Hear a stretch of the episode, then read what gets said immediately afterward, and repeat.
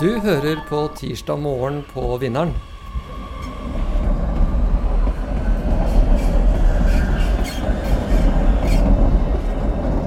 Hei, jeg heter Kristin Clemet, og jeg er valgt til leder av Oslo Høyres eh, nominasjonskomité før eh, lokalvalget i 2023.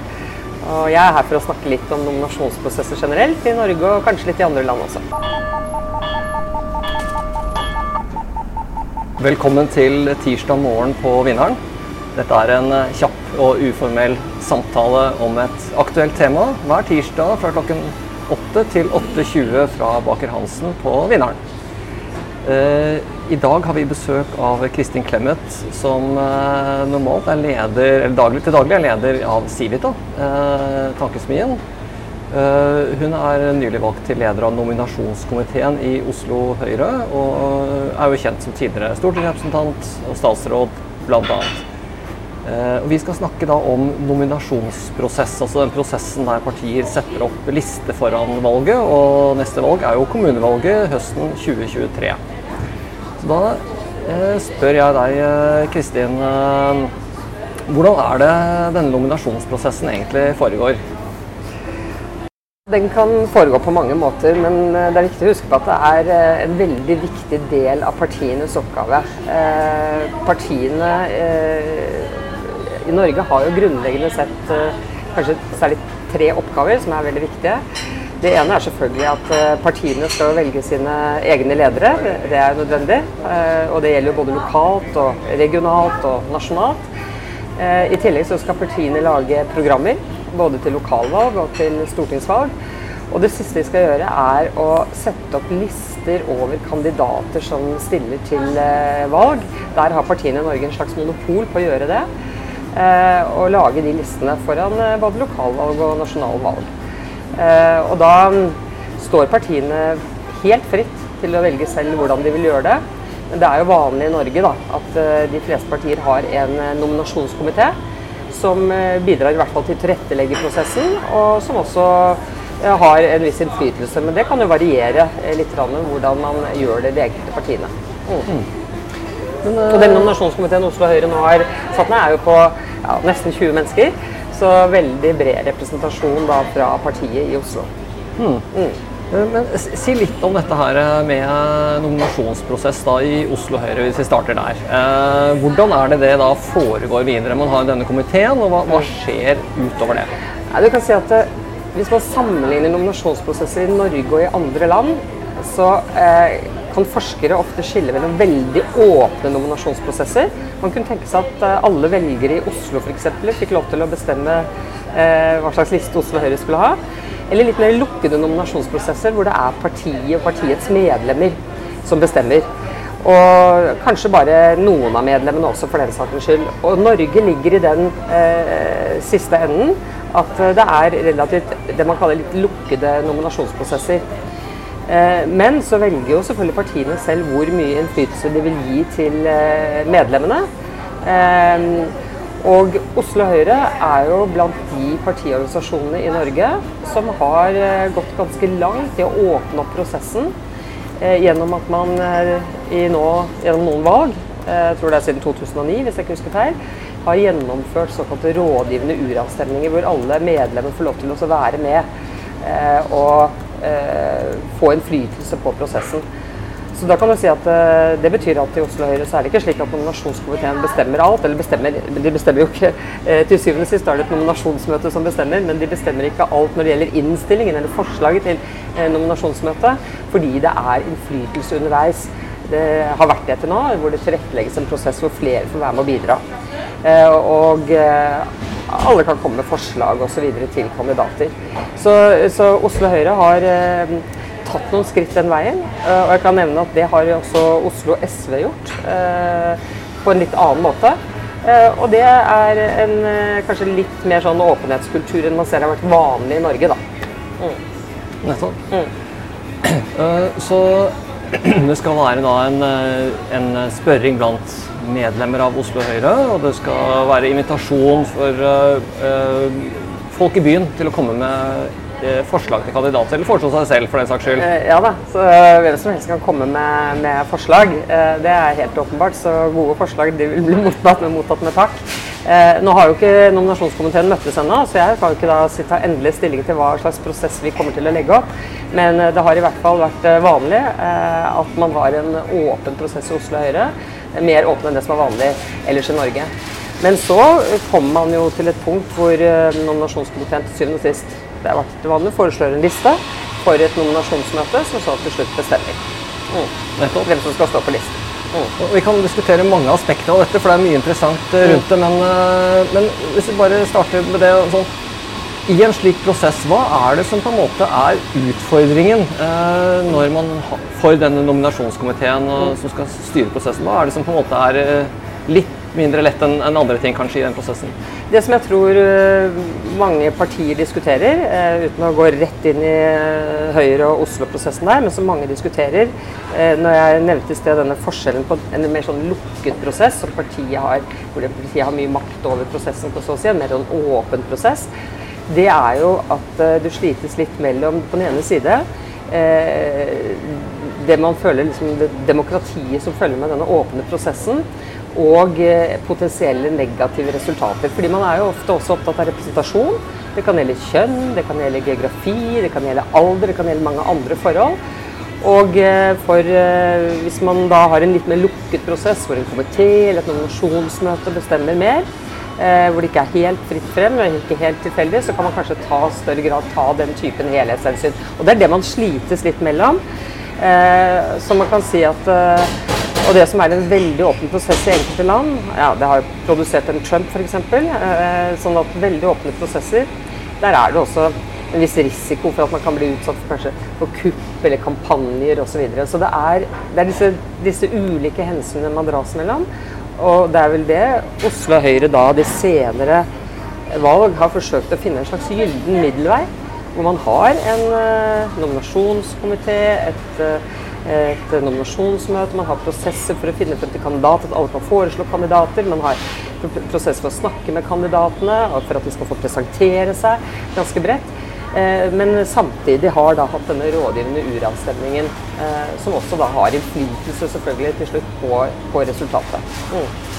Eh, Nå er det jo sånn at eh, dere som følger strømmingen, kan eh, stille spørsmålene deres. Du kan stille spørsmålet ditt, og da bruker du kommentarfeltet på Facebook til å gjøre det. Så skal jeg hjelpe til med at spørsmålet blir stilt til Kristin.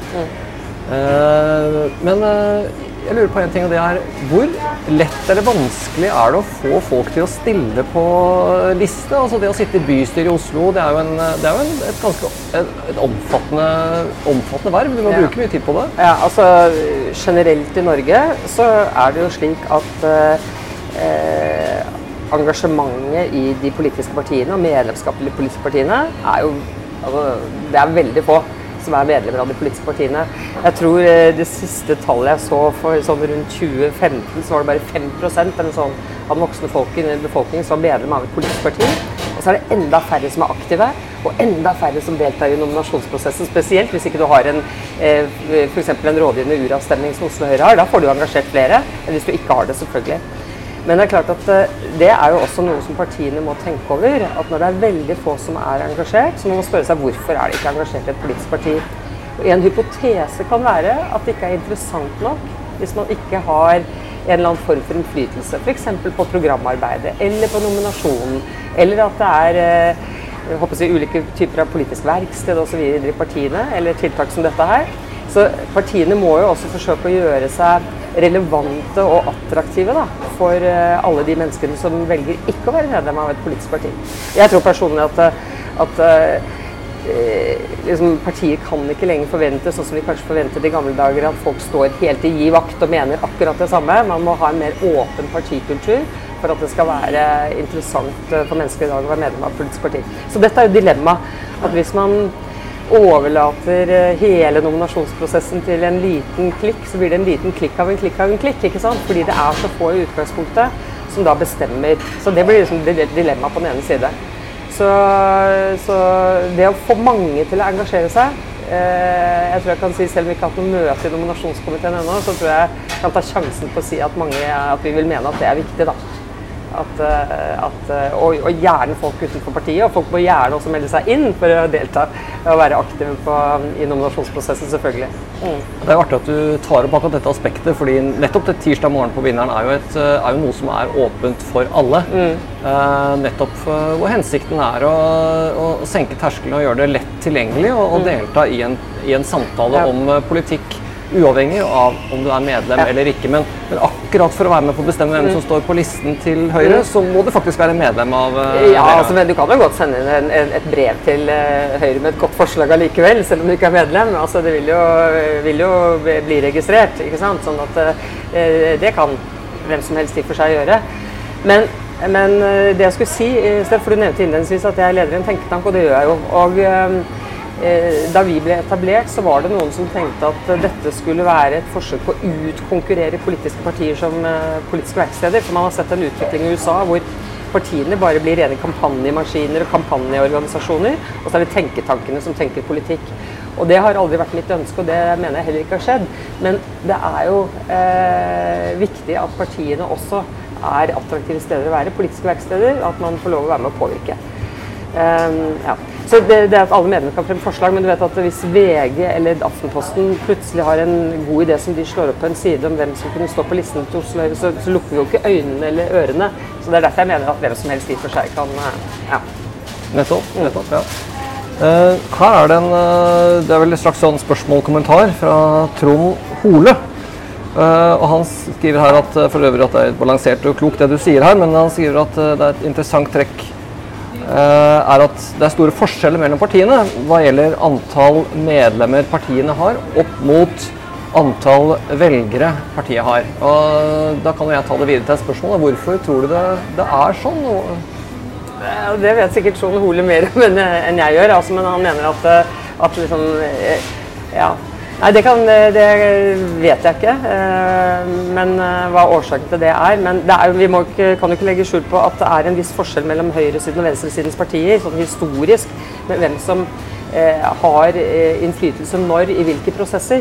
Og man kan si at vi har en tradisjon og en historie som legger vekt på at når, når medlemmene har laget et politisk program, la oss si for stortingsvalget, og vi har valgt eh, representanter til å være, sitte på Stortinget. Så i selve, når det oppstår spørsmål i stortingsperioden, så er det stortingsgruppen som tolker det programmet. Hvis man går til venstresidens partier, så er det av og til de må innkalle partiene. Vi har sett det i Arbeiderpartiet for ikke så lenge siden, hvor det er de som bestemmer så å si over stortingsgruppen. Så det er litt ulike tradisjoner. Dette påvirker kanskje også, muligens også, eh, stemmetallet, velgertallet, sånn. Det er jeg ikke helt sikker på, men Trond Ole vet sikkert svaret. Mm. Kjenner jeg han rett. Men uh, så uh, er det et, et, en side her er at uh, partiene lager jo da en liste, men det er, så er det sånn at på listen så kan partiet velge å gi noen en mm. dobbeltstemme. Det er vel det det heter nå, er det ikke det? Det som man tidligere kalte forhåndskumulering. og det betyr jo i praksis at så fremt partiet får inn så mange, ja. og ikke færre man har forhåndskumulert, mm. så vil de komme inn. Rekkefølgen kan bli ja. påvirket men, ja. av velgerne, men, eh, men, de kommer inn. Så, og da vender man tilbake til det samme spørsmålet. Nettopp, ikke sant? Ikke sant? Si eh, da vil, da vil jo uh, de som man bestemmer å liksom ha maksimalt antall forhåndskumulerte, som heter, eller dobbeltstemme, så liksom har man på forhånd bestemt at uh, disse kommer inn gitt at partiet som du sier, får tilstrekkelig med stemmer. Og da kan f.eks. en nominasjonskomité og til slutt et nominasjonsmøte eh, foreta eh, hva skal jeg si, helhetsvurderinger av hvem de ønsker skal representere partiet i eh, bystyret, eller ja, dette gjelder bystyret. Eh, og ta hensyn til f.eks. kjønn og geografi og alder, yrkesbakgrunn osv. Men på den annen side så gir det jo da eh, velgerne mindre innflytelse. ikke sant? For de kan da ikke hindre at de kommer inn. Eh, og de tar plassen fra Eh, kanskje andre som velgerne vil foretrekke å få inn. Eh, hvis velgerne bestemmer mer, så vil noen si at det er mer demokratisk, men da er det en risiko for at det f.eks. blir en ubalanse da, kjønnsmessig eller geografisk. Så det er jo det å vektlegge disse ulike hensynene. Og jeg syns det er ganske viktig i seg selv at eh, en nominasjonskomité og et parti har levende debatter om dette. Og det må man jo kunne si at Oslo Høyre har hatt, i og med at man innførte disse rådgivende uravstemningene, evaluert hvordan det funket, Og den evalueringen var jo i all hovedsak eh, positiv. Eh, at det fungerte bra. Sånn at, eh, for det bevisstgjør jo også partiet på disse hensynene. For Hvis man ikke er bevisst på de hensynene, så tror jeg du kan risikere en sånn skikkelig til slutt elitestyre, hvor det bare er en bitte liten klikk som syns de skal bestemme alt. Og da blir det veldig veldig få som til slutt bestemmer hvem som sitter i bystyret eller på Stortinget. Og ja. Og, og, og, og vi må legge, legge til da at utover dette her med disse dobbeltstemmene som du snakker om, så har jo vi eh, tradisjon for når vi kommer til nasjonale valg, at velgerne har veldig veldig liten innflytelse på personene eh, som skal velges. Man har større innflytelse lokalt. Nettopp, ja. Hvis vi bare tar teknikken i når det er kommunevalg, så, mm. så, er det jo sånn kanskje at nominasjonskomiteen gjør jo egentlig to jobber. ikke sant? De sier hvem skal være innafor på den listen. Er det 65 navn eller noe sånt nå? Mm. Så hvem skal stå på den listen? Så hvem kan velgerne velge fra? Mm. Men, men, men, men, utover det så er det velgerne helt som bestemmer rekkefølgen på, på dem, bortsett fra de som blir forhåndskumulert, altså dobbeltstemme. ikke sant? Så det er liksom de du, to tingene man gjør. Ja. ikke det? Bortsett fra at du sa en ting, du sa at det var nominasjonskomiteen som gjør det. Til syvende og sist er det nominasjonsmøtet. Så nominasjonskomiteen er, eh, foreslår overfor et stort nominasjonsmøte i Oslo Høyre hvordan listen skal se, se ut, og, og argumentere for den listen. Eh, men så kan nominasjonsmøtet selvfølgelig gjøre om på den listen. Ja. Eh, så det Nettopp. Ja. Så, så, nettopp, Det var en mm. fin opprydding der. Men når det da kommer til valgdagen, mm. så er det velgerne helt suverent som bestemmer. fordi Bortsett fra de som har fått denne forhåndsstemmen, da. ikke sant? Den ekstrastemmen på forhånd. Så da kan nettopp. man jo eh, Nå kan man gjøre en tilleggsstemme, og så fjernet man muligheten for å stryke, gjorde man ikke det? Men komme jo. tilbake, eller husker jeg ikke helt. Det er i hvert fall mange som ville ha det tilbake. Eh, men det betyr at velgerne gjennom eh, ekstrastemmer osv. kan liksom en, ja, endre på listen da, på rekkefølgen på kandidaten. Absolutt. Så du, du, hører jo ikke så sjelden fra partier som eh, altså, skal pynte på listen eh, ved å sette opp en eller annen kjendis langt ned på listen. ikke sant? Og så blir eh, vedkommende så populær og får så mange ekstra stemmer at vedkommende ryker rett, rett, inn i bystyret. Og da hører man jo av og til Det er jo ikke så bra, da. at da vil ikke, Det hadde ikke de regnet med, så da vil de ikke være med likevel. Men da er de, for, da er de strengt tatt forpliktet? er de ikke? Ja, jo, jo da, men jeg tror det er vel noen som kommer seg litt lettere unna lokalt enn nasjonalt. Nasjonalt er det mye verre, selvfølgelig, men, eh, men da skjer jo ikke det på samme måte. Men eh, Så man bør vel kanskje, hvis man sier ja til å stå på listen, så bør man vel være i Særlig hvis man har et kjent navn. Eh, så bør man vel være innstilt på at man også kan bli valgt. Jeg eh, vil nok si det. Mm. Nettopp, nettopp. Så er det et spørsmål her fra Johannes Kaasa. Uh, og han spør hvor mye hensyn tar nominasjonskomiteen til innspill fra resten av partiet? Og da er det jo Oslo Høyre du kan få svare for eventuelt. Da. Det er kanskje litt tidlig å si òg, for prosessen er ikke ferdig. Men hvordan skal man tenke rundt det? Hvor mye hensyn man skal ta til innspill fra partiet? Ja, altså der kan du tenke deg to typer av innspill. Da. Det ene er jo selve den rådgivende uravstemningen. Hvor mye skal man vektlegge resultatet der? Jeg har vært med i nominasjonskomiteen en gang før. Da bestemte komiteen å vektlegge det ganske mye. I andre, eh, ved andre valg så har det blitt vektlagt mindre. Så det er en avveining som komiteen må foreta i sitt forslag for nominasjonsmøtet. Og så spør eh, om andre typer av innspill, så vil jeg jo si at det, altså ethvert innspill blir mottatt med seriøsitet og positivitet, men det er jo nominasjonskomiteens oppgave da, å veie eh, og bedømme og utøve et skjønn over alle de innspillene som kommer inn, eh, for til slutt å kunne foreslå en liste for nominasjonsmøtet. Men, eh, men eh, altså, gode forslag er gode forslag, så det Ja. Nettopp. Ja. Uh, vi, vi, nærmer oss slutten her nå, men uh, bare sånn uh, morsomt å spørre deg, siden vi har, har diskutert dette her. Altså, hvis du kunne liksom måtte ønske deg en retning, liksom dette hele nominasjonsarbeidet Kanskje fritenkt, slippe deg fri fra Høyre et øyeblikk. Bare er en retning du gjerne ser at dette skulle beveget seg i i Norge? Jeg syns de dilemmaene vi, jeg har snakket om, er, ganske, er reelle. Eh, men jeg eh, må si at jeg setter veldig pris på at Oslo Høyre har forsøkt å åpne opp litt.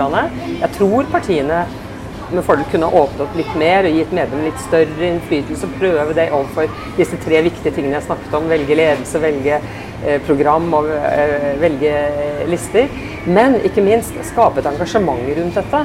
Fordi det er jo tross alt veldig viktig for oss alle eh, hvem som skal representere oss i eh, bystyre, kommunestyre, fylkesting, på Stortinget osv. Så, videre. så hvis vi kunne virvle opp litt engasjement eh, i og for partiet, men gjerne også utenfor partiet for partiet, så vil jeg si at eh, det syns jeg hadde vært veldig positivt.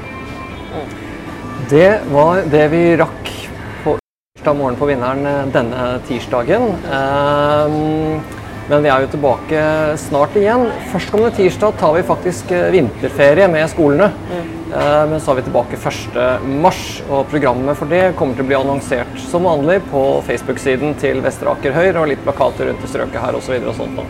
så følg med. Eh, Men eh, eh, jeg tipser om at det går an å se dette, denne samtalen i opptak på, på video på Facebook-siden til Vestre Aker Høyre. Og det er også mulig å plukke opp podkastversjonen eh, på den podkastplattformen du pleier å bruke. Eh, Da takker jeg deg, Kristin Clemet, for at du var med oss i dag. Jeg takker dere som fulgte strømmingen. Og så ses vi igjen tirsdag om to uker. Takk for at jeg fikk komme.